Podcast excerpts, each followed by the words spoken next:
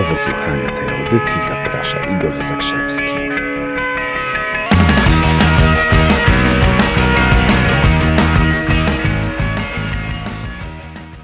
Dzień dobry. Czy wiecie, że zdecydowanie więcej romansów i zdecydowanie więcej rozwodów jest wśród ludzi, którzy oglądają i lubią komedie romantyczne? To dopiero coś. Ale jak to? Przecież e, tak właściwie to zupełnie oficjalnie żyjemy w kraju, w którym seks e, to jest coś, co się wydarza dopiero w noc poślubną. No, małżeństwo jest sakramentalne, a więc nierozerwalne. No i tak na przykład pff, używanie prezerwatyw to, to, to jest grzechem, w związku z tym się ich nie używa.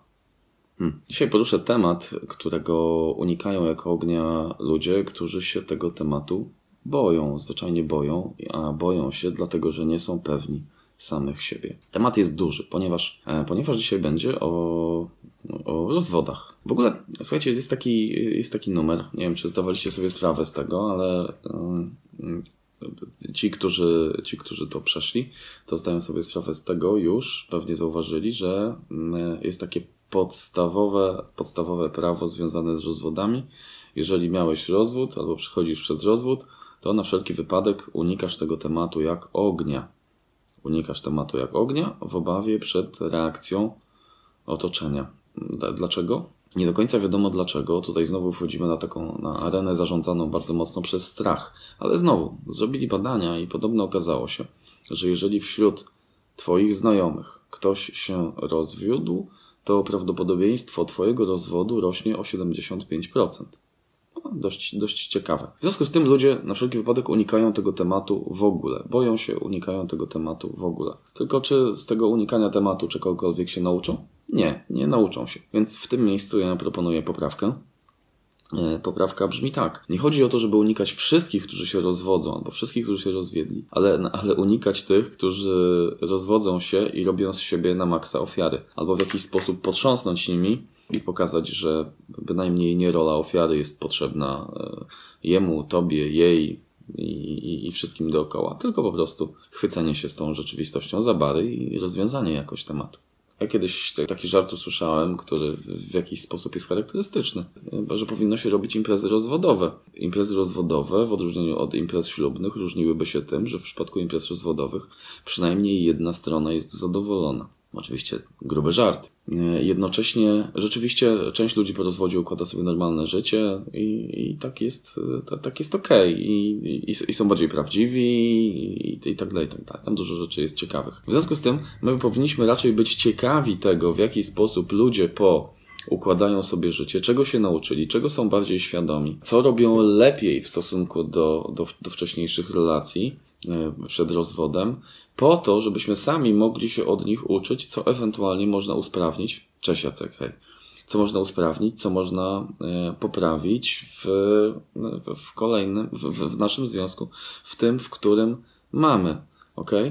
Bo rozumiecie to? Czyli nie, e, nie, nie unikać ludzi e, po, po rozwodach jak, jak ognia, tylko unikać tych, którzy robią z siebie ofiary, a rozmawiać z tymi, którzy sobie poukładali życie, mają jakieś wnioski, mają jakieś przemyślenia, bo z tego można się nauczyć dużo i wziąć do naszych normalnych związków. Też takie, taka śmieszna rzecz jest czasami przez lata, przez te wszystkie lata na rozmaitych seminariach, jak wchodziłem na tematy relacji i związków, to fajnie mi się obserwowało pary. Dziewczyna, chłopak, e, mąż, żona i na przykład e, żona nagle oświadcza, to ja nie muszę wcale rozmawiać na takie tematy. My mamy wspaniały związek. A ja w tym czasie patrzę na jej partnera, czy na, na, tę, na tę drugą osobę i widzę, że e, tam reakcja jest zgoła odmienna. Co przypomina mi taki kolejny dowcip po tym, jak małżeństwo poszło sobie do terapeuty.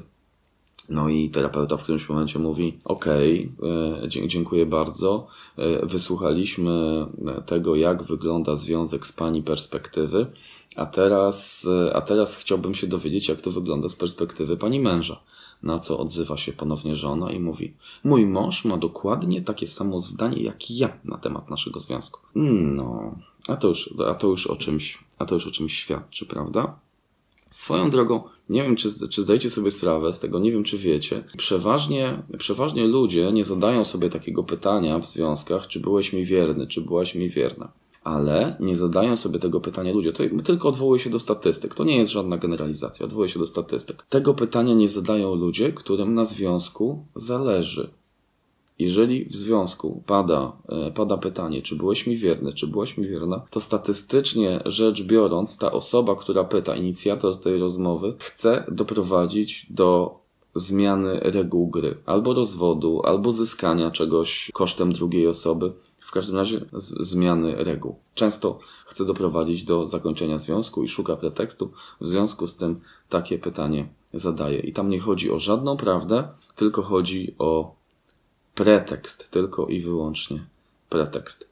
To taka, taka garść informacji bardziej do przemyślenia, ponieważ zbliżają się święta i w związku z tym, że e, w związku z tym, że się zbliżają święta, to mnóstwo ludzi, głównie ojców, nie zobaczy swoich dzieci własnych, ponieważ w związku z kolejnymi statystykami zdaje się, że 80% tak zwanych weekendowych rodziców, mimo korzystnych wyroków sądów rodzinnych co do spędzania czasu w święta, nigdy nie spędza świąt z dziećmi. Około 80%. Więc to, to, to, ten temat wcale dla wielu osób nie jest, nie jest zbyt odległy.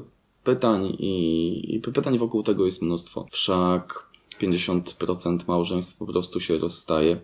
I wydaje mi się, że nie możemy dłużej udawać, że, że tego nie ma. Nie możemy dłużej tego znikać, tylko potrzebujemy jakiejś takiej otwartej, normalnej dyskusji, otwartej, no, normalnej rozmowy, no, no, normalnego wypowiadania się, normalnych przemyśleń i no, normalnie ukształtowanej mądrości na ten temat.